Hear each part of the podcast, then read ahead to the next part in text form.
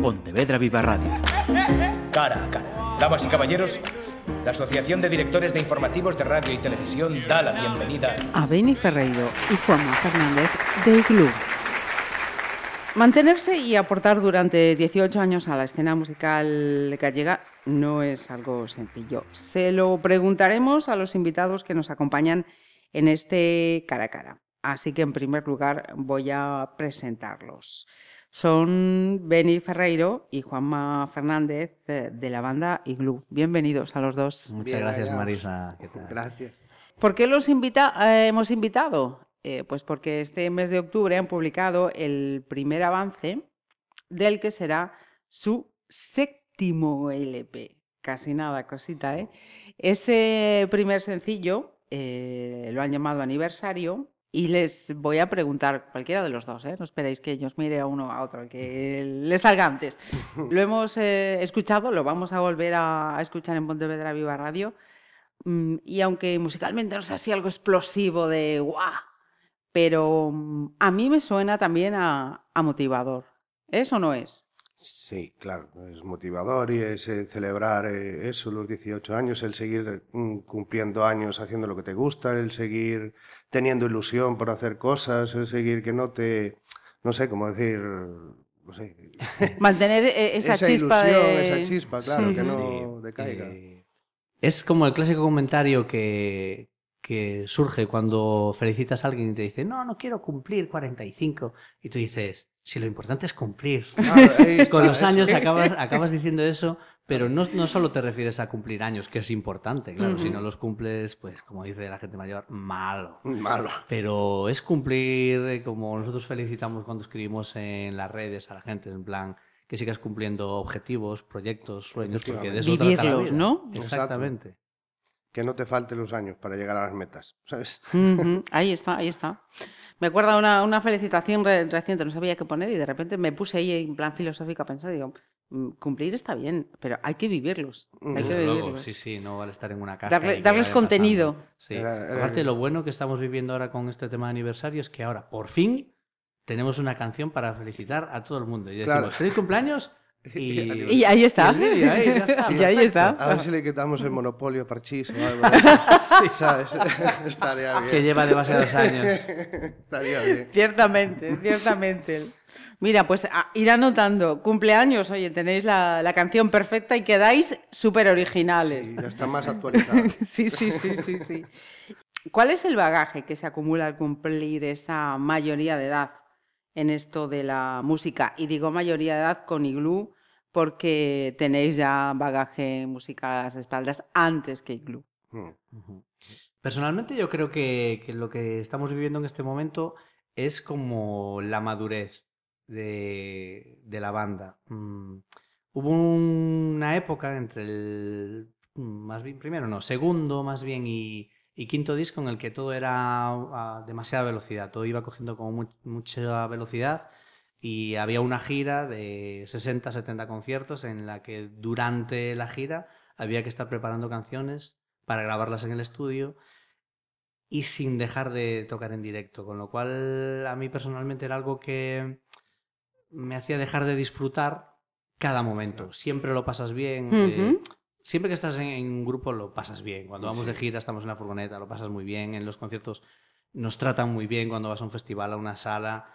Eh, siempre hay momentos especiales, pero eh, ahora con el tema del confinamiento, por ver una parte positiva de él y demás, fue que la mayoría de los temas surgieron durante el confinamiento. Eh, algunos eran temas que quedaron como ahí un poco aparcados, pero se volvieron a coger, se le dieron un giro. hablamos con el productor, todo fue como más masticado levemente, una digestión más sencilla, sin tanto atropello. Entonces, eh, fue como más eh, agradecido para todos nosotros decir, bueno, pues hay esto, eh, vamos a sopesarlo, yo creo que esto podemos sacarlo. Entonces, fue como, cuando sacas un primer disco no hay prisa para hacer las cosas y hemos vuelto a vivir un poco ese, esa sensación y la hemos disfrutado mucho. Yo especialmente porque digo, vale, cada tema, ahora que nos están enviando con mezcla, nos está ocurriendo ahora, dicen escucharla, escucháis un par de días, me decís un par de matices, y decimos, esto es maravilloso, porque antes era en plan, venga, Paquete Ya. de salchicha, churros. De hoy para ayer. venga, Porque tiene que estar para allá.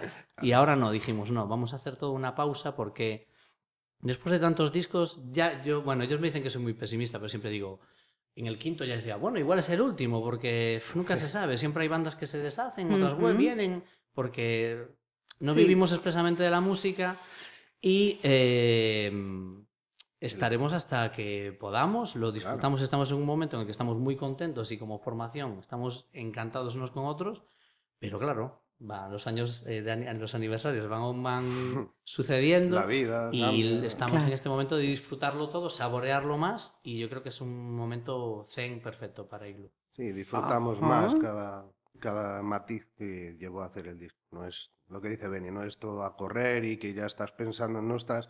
Si estás pensando en tener que hacer temas nuevos y toda la leche, pues no estás a lo mejor pensando en tocar en, En el ahora. momento, en el.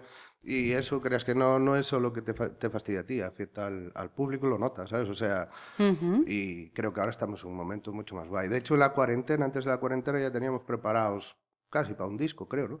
Y fue cuando nos encerraron y como que eso se aprovecharon pocas cosas y fue como montar otra vez, ya que estábamos todos, pues desde sus casas cada uno y casi que este disco salió así. De hecho, creo que dos temas aún se hicieron que la semana antes de marchar para Sí. grabar y que los hicimos así tal y al final están cogiendo una fuerza así muy, muy interesante. Eh, luego lo tocamos, pero por si acaso se, se me escapa. ¿Cómo se nota, cómo se nota eso en muchos de los discos que, que estoy escuchando y que, y que van saliendo, ¿no? Toda esa parte que digo yo de discos que se hicieron aprovechando el, el confinamiento eh, y que- suenan con, sobre todo las letras. Igual la composición se me escapa mucho, pero sobre todo en las letras se nota. Y los que vienen después, ¿no? O sea, tienen, tienen otra vida completamente diferente.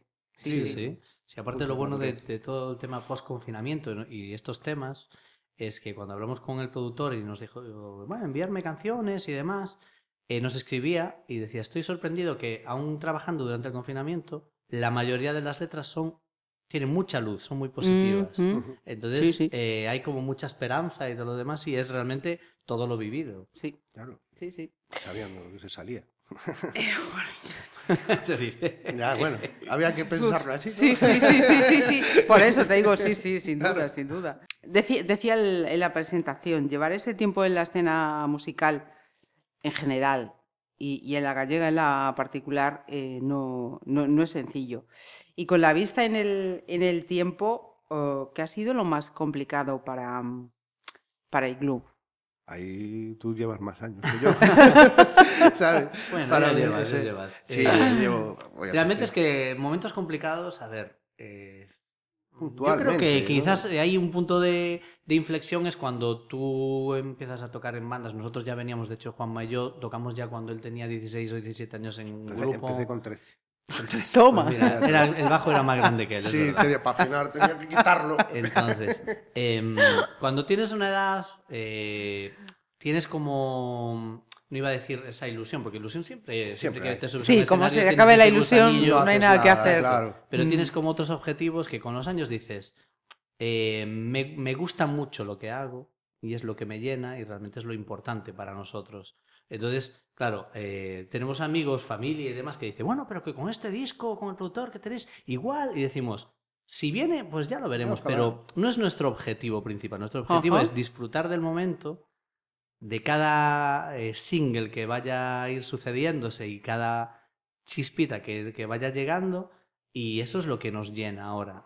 Y creo que es lo mejor que podemos hacer ahora mismo, no ahogarnos en nuestro propio vaso Claro. de agua. ¿sabes? Y entonces, em, quizás el momento que puede ser más difícil es cuando gente con la que convives en otras formaciones, en esta es cuando unos tienen objetivos diferentes. Ujú. Eh, ese puede ser el, el peor momento, claro.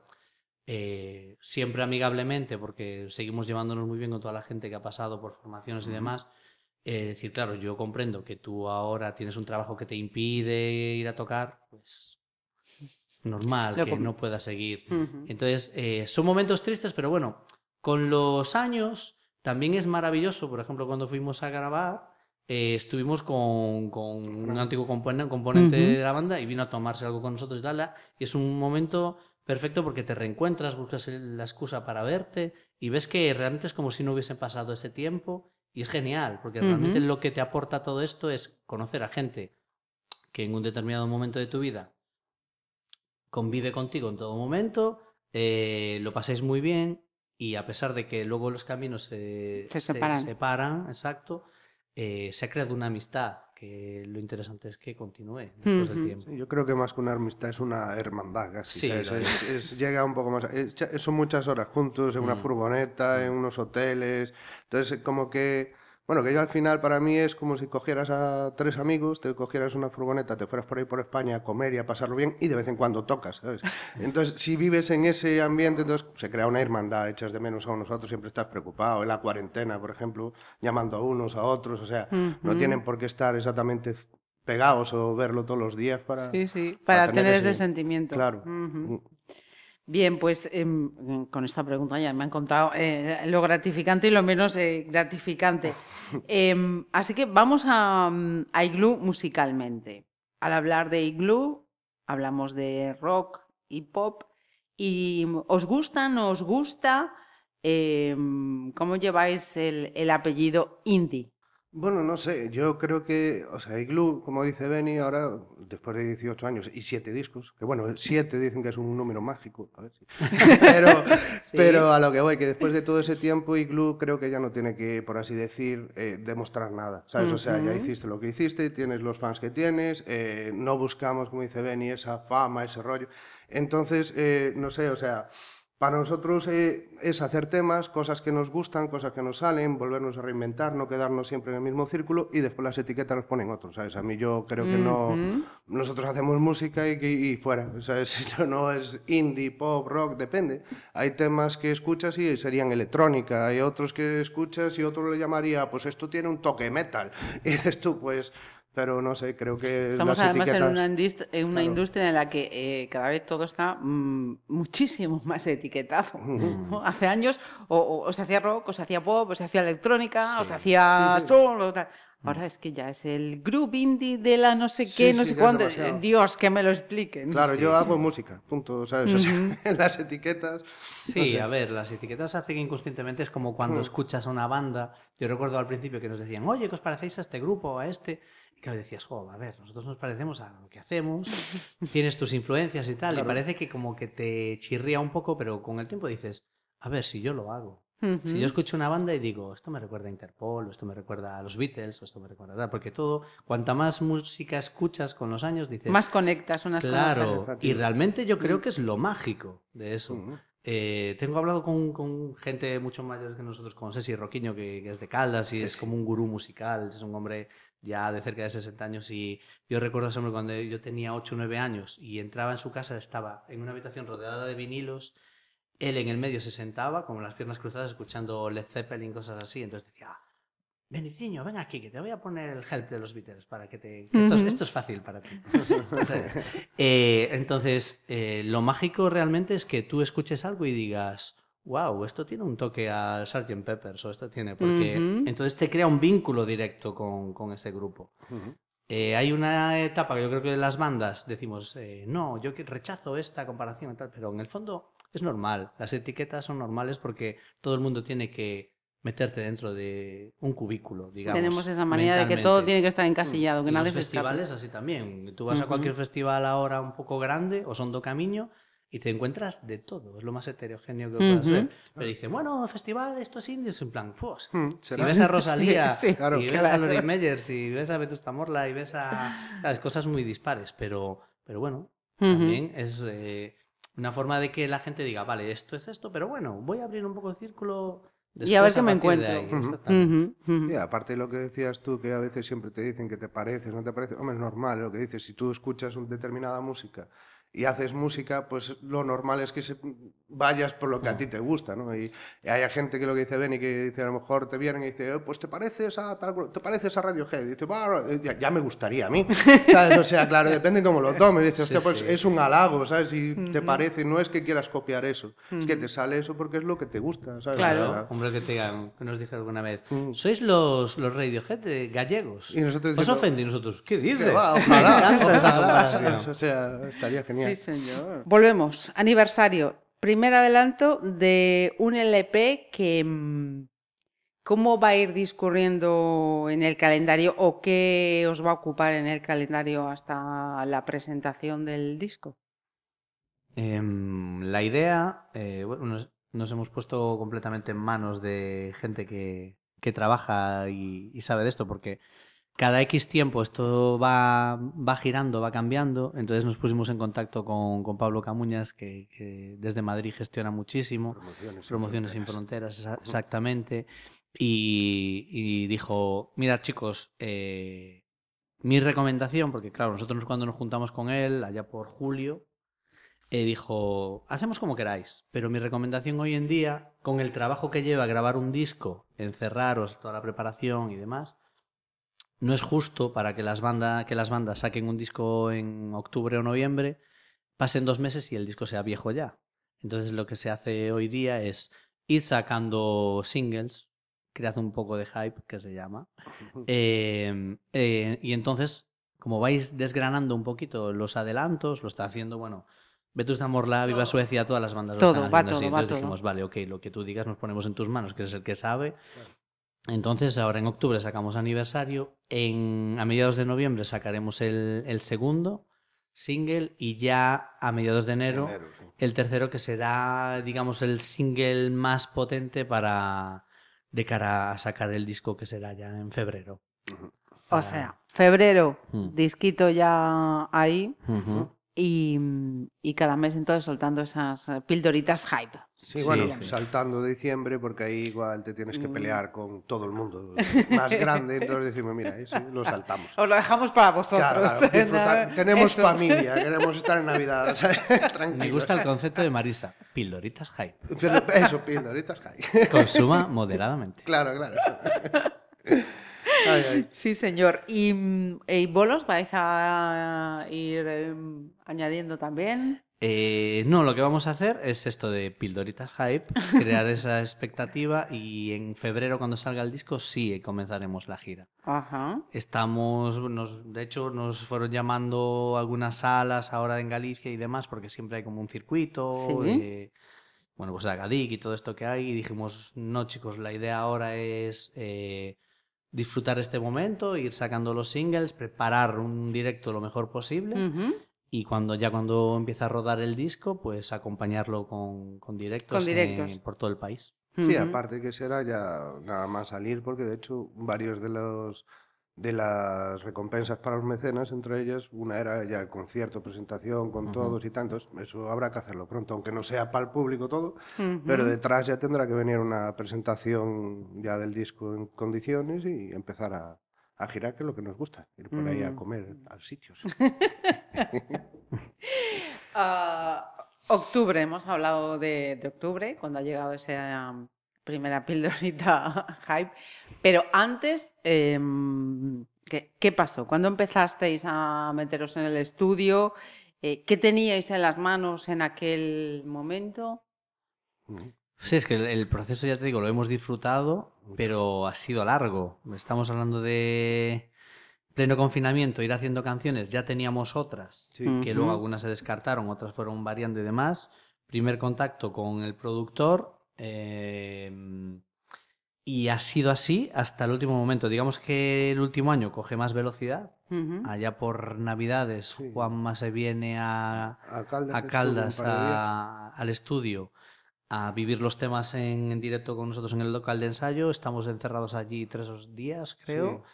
todo el día. Todo el día. Eh, El tío decía, horas y "Pero si horas, queréis, decía otra vuelta, otra vuelta, venga". vamos a probar esto.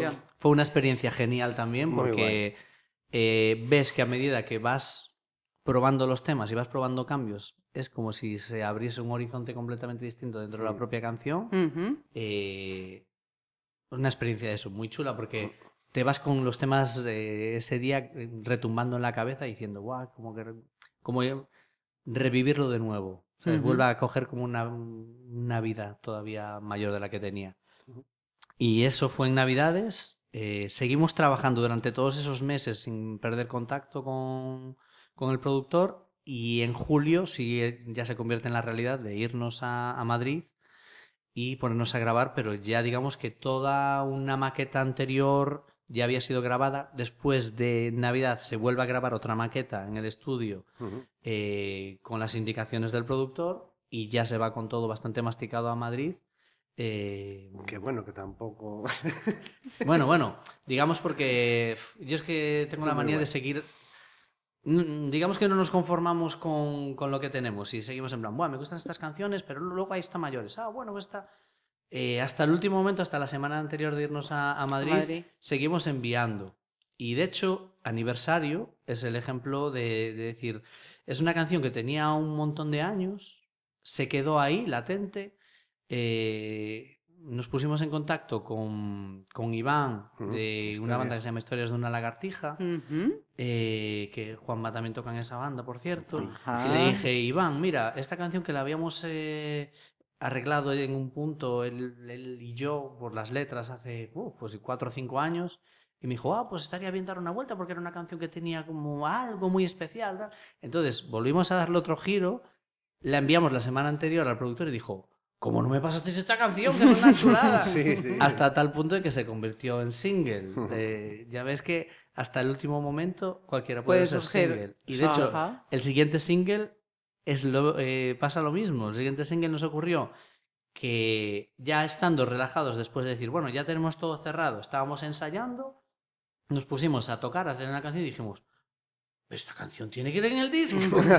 Se la mandamos al productor y dijo, ay, qué tíos, venga. Y dijo, es otro temazo, pero ¿qué pasa con vosotros? Sois de estudiar a última hora. Dice, bueno, sí, porque ya lo que decía Benny, también durante la cuarentena y antes de poder, de poder quedar y todo, sí que estábamos, no sé, cada dos semanas o tres semanas, o así, pues video, videoconferencia todos juntos ahí con Mm. el productor, cambiando rollos, cada uno en su casa, haciendo sus cositas. Y fue, no sé, otra manera de hacerlo, otra Ujú. manera de vivirlo y a mí yo lo disfruté muchísimo. Y, Sí. y es eso, claro, fuiste... Aparte de lo que dice Benny, eh, fuimos preparando los temas, después vino Juanma, le dimos otra vuelta, entonces se grabó una primera maqueta, se grabó una segunda maqueta y dices tú vas, llegas al estudio, bien. No, no, yo cuando llegué al estudio fue, a ver, haz una línea de guitarra, hace la línea de guitarra y dice, muy bien, está guay. Ahora esto me lo cambias, haz otro nuevo, haz, haz otro nuevo, entonces tuviste que volver a hacer todo de nuevo, ¿no? Pero por lo menos ya llevas ese, como sigue siendo sobre la misma base y va creciendo, pues.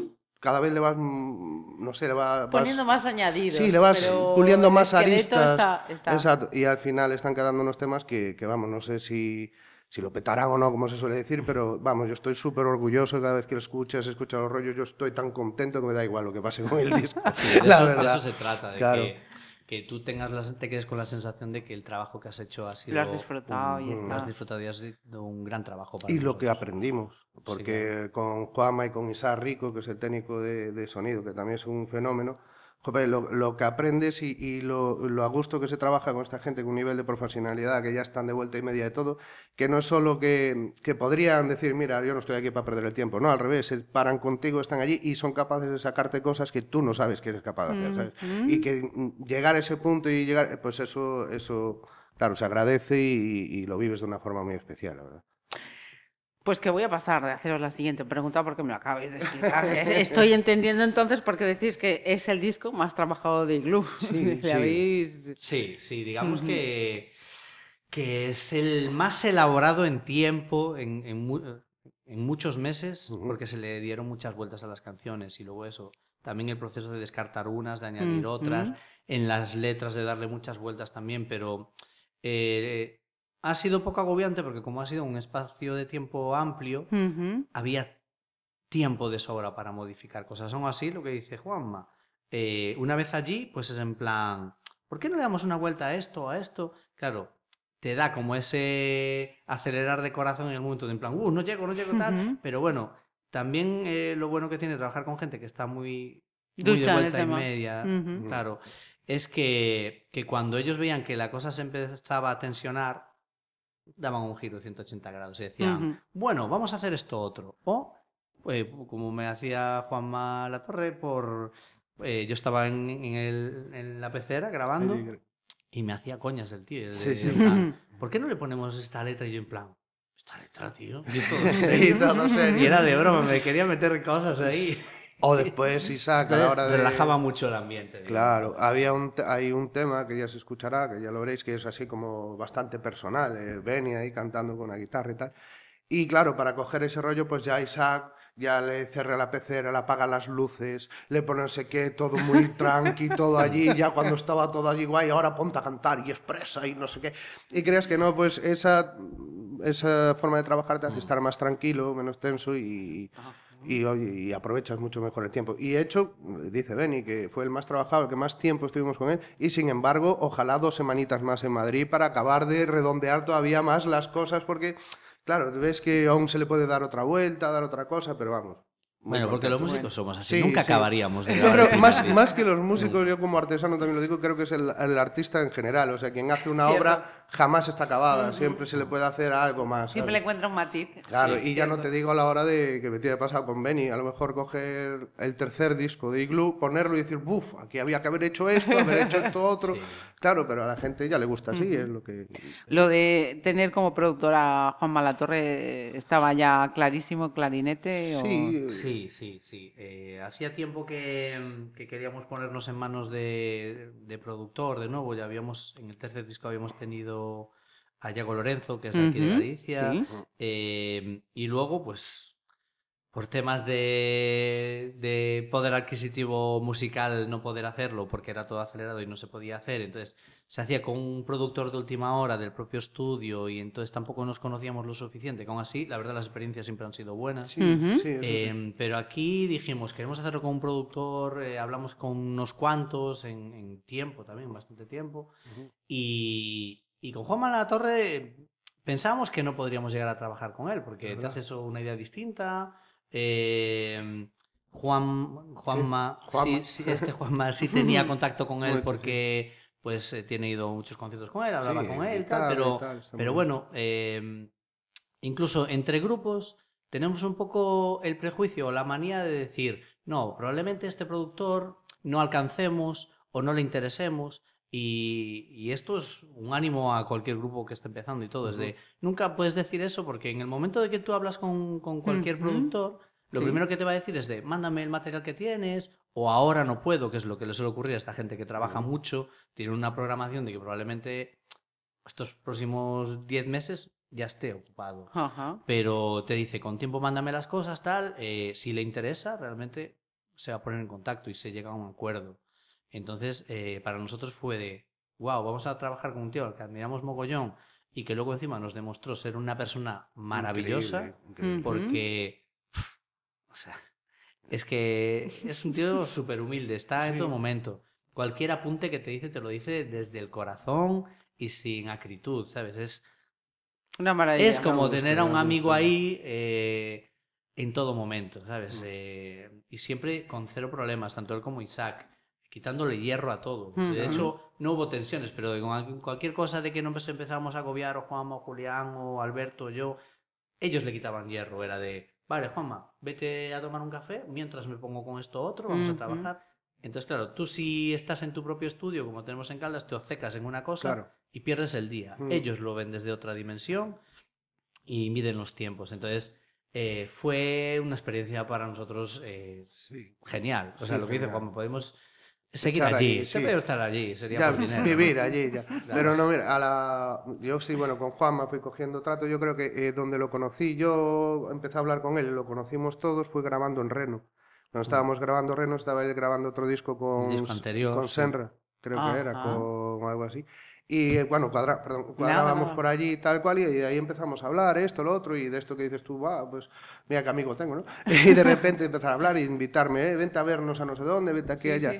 Y por ahí fue cuando dije yo, le dije a ellos, mira, a lo mejor se le podía comentar y ya fue cuando dijimos, pero claro, es, es Juanma, ¿no? Cuidado. Y a la hora de llamarlo y cuando le comenté, pues me, me encantó porque estaba súper ilusionado. Dice, sí, me encantaría trabajar con Igloo porque siempre que me llaman como productor suele ser un grupo que empieza o un segundo disco para cambiar el rollo, pero Igloo lleváis muchos años, tenéis un sonido, tenéis un... Entonces es otro reto distinto, coger las canciones y tal. Y creo que por otro lado eh, salió es mucho mejor para nosotros, más beneficioso, porque al final lo que dice Benny, claro, estás los cuatro, estamos los cuatro componiendo, los cuatro en el estudio, los cuatro. Entonces la burbuja siempre es la misma, ¿sabes? Entonces al final, creas que no, mm, eh, acaban pareciéndose los temas, o no pareciéndose, pero sí trabajando siempre igual, ¿no? Y como que era Einstein el que lo decía, ¿no? Si quieres un resultado distinto, haz las cosas de otra manera, ¿no?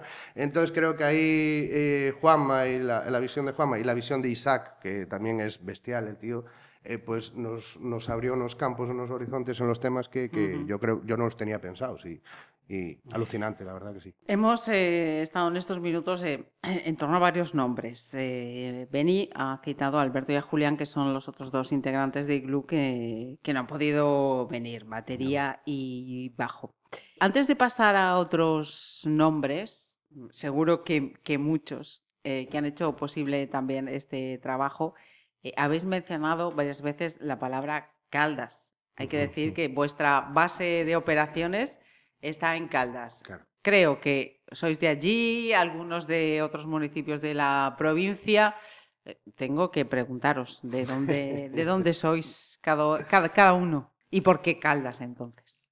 Pues eh, Caldas porque Ben y yo somos primos y somos de Caldas, nacimos de Caldas, nuestra familia es de Caldas de Reis y, todo, entonces ya el primer grupo que te decía Benny cuando yo tenía 13 años y él tenía que tener 17, 18, por ahí tendríamos, pues ya era allí, ya eran los locales de por allí, ya se nos conocía y esto todo, y después el Benny tenían un, un pub muy mítico allí en el pueblo, donde tal, y allí fue donde se hizo el estudio, en un pequeño estudio de grabación. Ya ensayábamos antes cuando era de ladrillo, aquello todo, cuando éramos pequeños.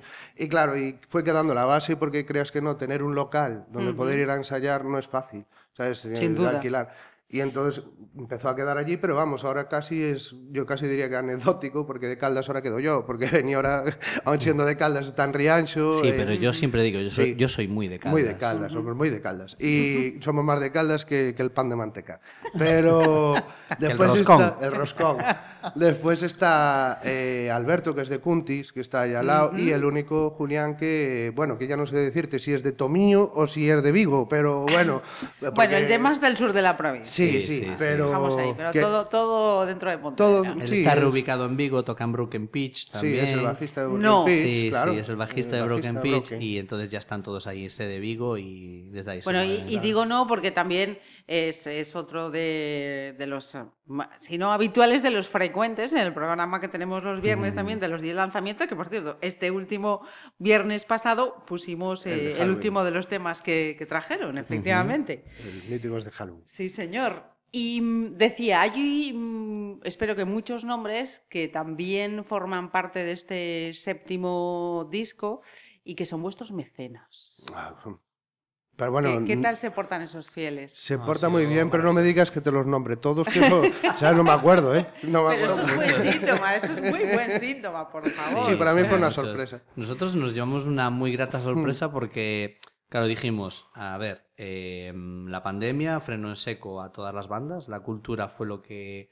de lo que más eh, se quedó dañado, digamos, con esto, porque luego un, mm -hmm. hubo un despertar que, que en la música y en el arte, pues tardó mucho más sí. en arrancar. Que un inciso, que aún así, y la cuarentena todos nos la pasamos en casa consumiendo arte, porque al final estabas viendo cine, música, tal cual. Libros, y, y, tal, pero después, sí, ese, sí. sin embargo, son los que te salvaron, pero ahí después nos costó arrancar. Bueno, nos salvaron. Somos así de cainitas. La, la medicina nos salvó. sí, también. Sí, los médicos, los médicos. Pero. Eh, entonces eh, dijimos, vale, tenemos eh, este dinero para poder grabar un disco como los anteriores, o podemos intentar eh, hacer este que es el crowdfunding. crowdfunding eh, Julián siempre fue pro crowdfunding, yo siempre fui anti crowdfunding porque decía, no, a ver, no me parece justo, tú con lo que tengas saca el disco, pero claro, como era un momento diferente, dije, vale, venga, vamos a intentar hacer esto y si la gente en el fondo, claro, preguntábamos, sondeábamos un poco a nuestro alrededor,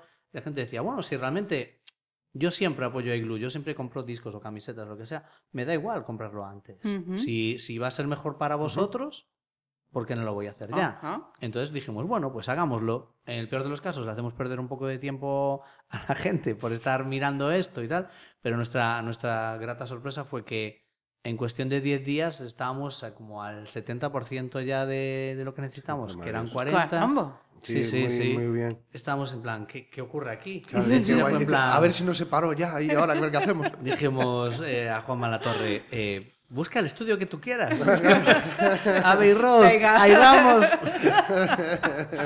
y y fue, fue genial, porque aparte yo creo que todavía se crea más vínculo con, con la gente que Mm. te sigue y te apoya, porque tú les estás mandando mails privados, decís, bueno, pues ahora tenéis estos privilegios, se les, i- durante la grabación se les iba enviando vídeos diciendo, pues el primer día de grabación estamos Mirad haciendo esto. esto, tal. Entonces la gente decía, guau, cómo mola el estudio, es increíble, pedazo de sitio en el que estáis, qué guay. Y le decíamos, claro, esto es gracias a vosotros también. Ajá. Entonces, Claro. ellos todavía, pues. Implicarlos más claro, resultado. claro.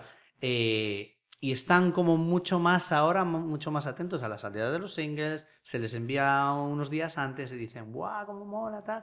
Eh, hay como una conexión todavía Ujú. mayor. Entonces, para nosotros es genial, para ellos también. Sí, sí. Y dijimos, bueno, pues al final esto es buena idea. Eh, digamos que no fue el 100% de la aportación a lo que iba a ser el disco, promoción y demás, eh, pero, Pero nos dio ese empujoncillo Sí, sí, sí. pues para hacer esto distinto. Ajá. Y aparte hasta se nota en el, casi en el día a día, porque mismamente en el pueblo, lo que sea, todo el mundo te, te conoce, eres del pueblo. Aparte después tocas en un grupo, ¿no?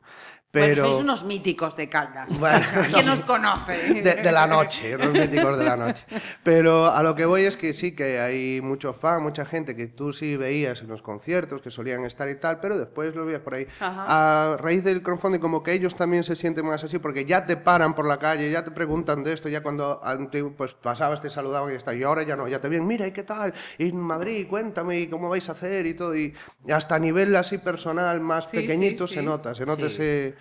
Que parece Tienes que... ese tema de conversación, claro, pues Sí. subíamos todo, en plan, estamos grabando, pues hoy en este eran como varios estudios diferentes, pues ahora estamos en el de guitarras, no sé qué, y claro, nos veían haciendo la comida. Julián hoy va a hacer un cachopo, no sé Sí, qué. cachopo. ¿cómo os poníais, eh? Sí, sí, Ahí, claro, pues ahí. tienes pues, unos Bueno, temas de conversación. vale, a ellos ¿ves? también les abre una puerta Claro, para claro, Ahora entiendo ya unas cosas que he estado leyendo por ahí. Sí, vale, sí, vale, vale. Aparte que los cuatro nos llevamos muy bien y, y entre ellos, Julián es simpático, y- pero es que Alberto es un crack y entonces Mm. al final te llevas un- y al final estamos haciendo bastante el payaso por ahí, entonces es bastante divertido. Cuando y estás los cómodo, todo surge. Claro. Sí, y- sin duda, y- sin duda. Y está muy bien.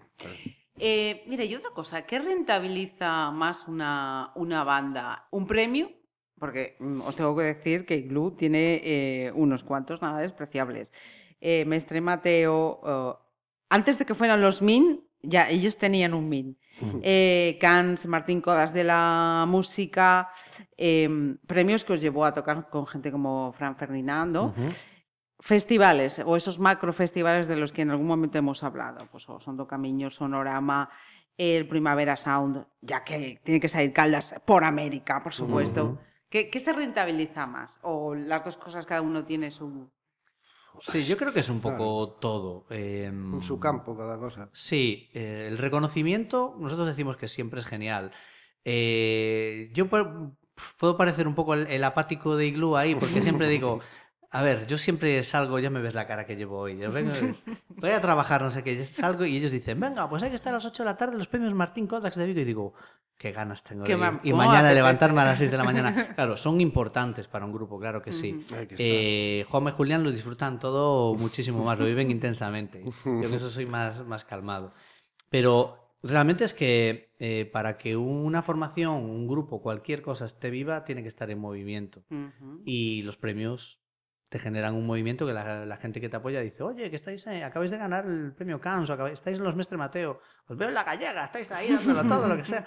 Pues claro, noticias. todo, todo ayuda. Salir en, en grandes carteles de festivales, pues claro, la gente hace que, que te, la gente que te conoce hace que se reafirme un poco, digamos, en plan, jo, ahora quizás ya llevamos un montón de años y dice, vale, es normal que estéis en el sonorama por quinta vez o que estéis en el Porta América, sois de Caldas, es normal. tal. Bueno, relativamente, porque, bueno, pues eh, tampoco puedes estar todos los años. Claro, Eh, pero... mm, tienes que ofrecer eh, algo es, nuevo. Sí, sin es importante. mm, No sé si lucrativamente no, digamos, eh, porque tú dices, vale, tú tienes tu caché y vas a esto, los premios pues te cotizan de nombre, digamos, y tiene pues un- una distancia relativamente corta. En plan, pues tú ganas un premio, los premios MIN que tú dices, un premio muy importante porque fue un premio además de público que, que fue muy reñido. Recuerdo que estaba Radio 3 ahí empujando y, todo, y había unas votaciones y estaba la gente como... Había un pique enorme con, con los Raytons, eh, una banda se llamaba The Raytons, de, que eran de Madrid, y estuvimos los dos ahí hasta el último momento, hasta que de repente despuntamos un poquito nosotros al final.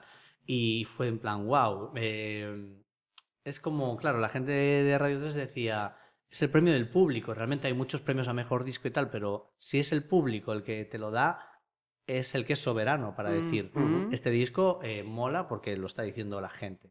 Entonces, claro, fue un premio como fue el más reñido, fue el que también como una recompensa mayor. Siempre ocurre, ¿no? Que cuando algo cuesta más, pues lo saboreas también muchísimo.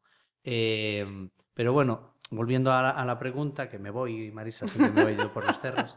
Eh, digamos que es un todo, ¿no? Realmente para una banda lo importante es estar siempre en movimiento. Si tú desapareces dos años, aparecen 80 bandas más, no hay problema. Eh, la gente se olvida de un grupo que, por mucho que, que bandas ahora, como leí ayer, de Grises o Izal, que deja de tocar, o Ujú. Maga, que es una banda a la que le tenemos Second. muchísimo cariño, Second. Eh, claro, todo, hay, todo es que tiene un principio y un final, es que es inevitable. Nos da muchísima pena cuando vemos a compañeros como Second, que tocamos con ellos, admiramos a Maga o muchísimas bandas.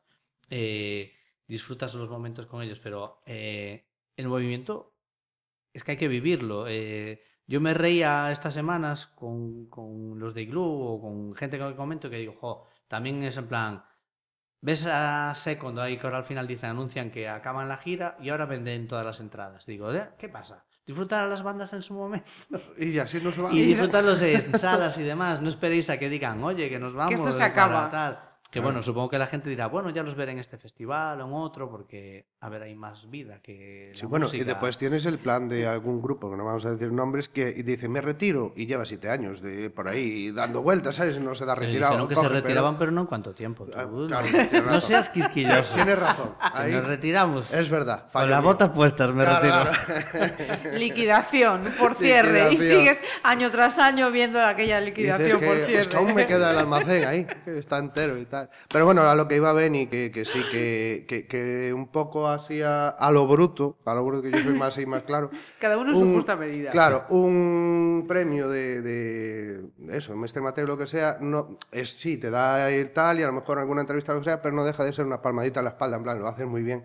Y en un festival tú acabas cobrando un caché, que es lo que necesitas tú, pues para vivir, para poder moverte, para poder sacar un disco. pa- Para mí, a mi modo mm, egoísta, prefiero, por El preferir los festival, festivales. ah, Ahora, sí. que premios los disfruto, como dice Benny, soy el primero, o sea, me encanta y eso, el reconocimiento de la gente, que sepan que estás ahí, las entrevistas, pero siendo realistas para el grupo, lo que le hace mejor son los festivales, son donde, donde más cobras. abra puertas. Claro, claro, es que es Sí, lo que dice Benny. Si Sí, tú a si ti te dan un premio, claro, si a ti te dan un premio te hacen más visible y te van a abrir más puertas a festivales y cosas que es donde vas a acabar cobrando, ¿no? Pero si me Ajá. pones uno frente al otro, me dices, ¿qué prefieres eres ir mañana a este premio o Ah. ir a este festival? Y digo yo, bueno, pues a lo mejor me voy al festival que no nos hace falta el dinero, ¿sabes?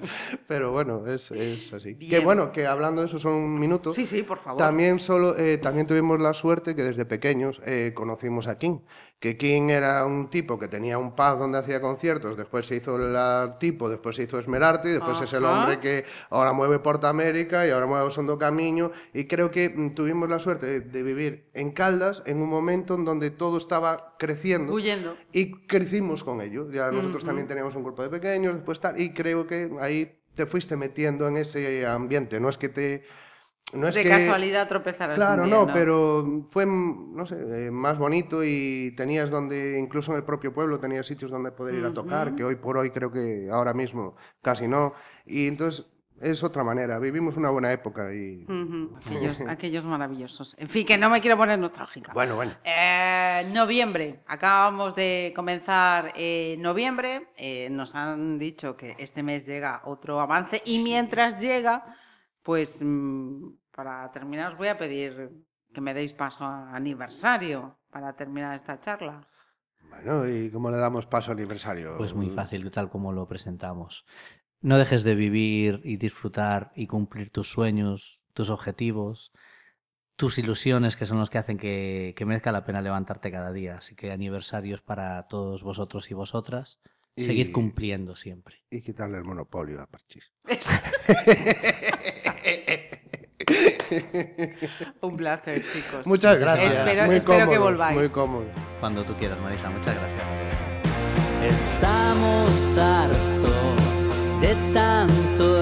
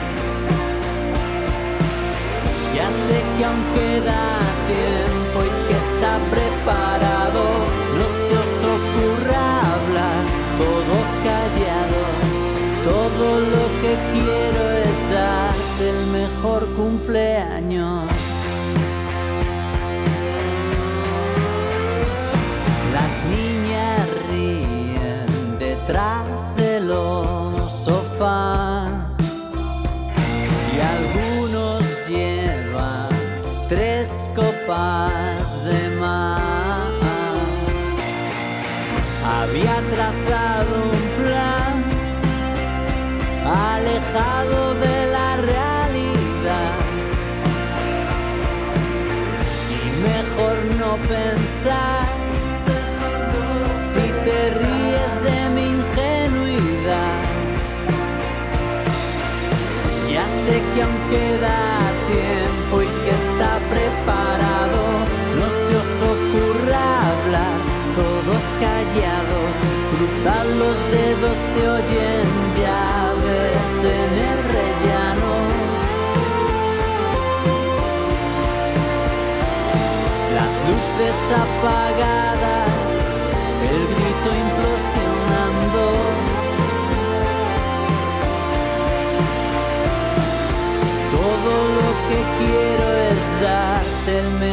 cumpleaños.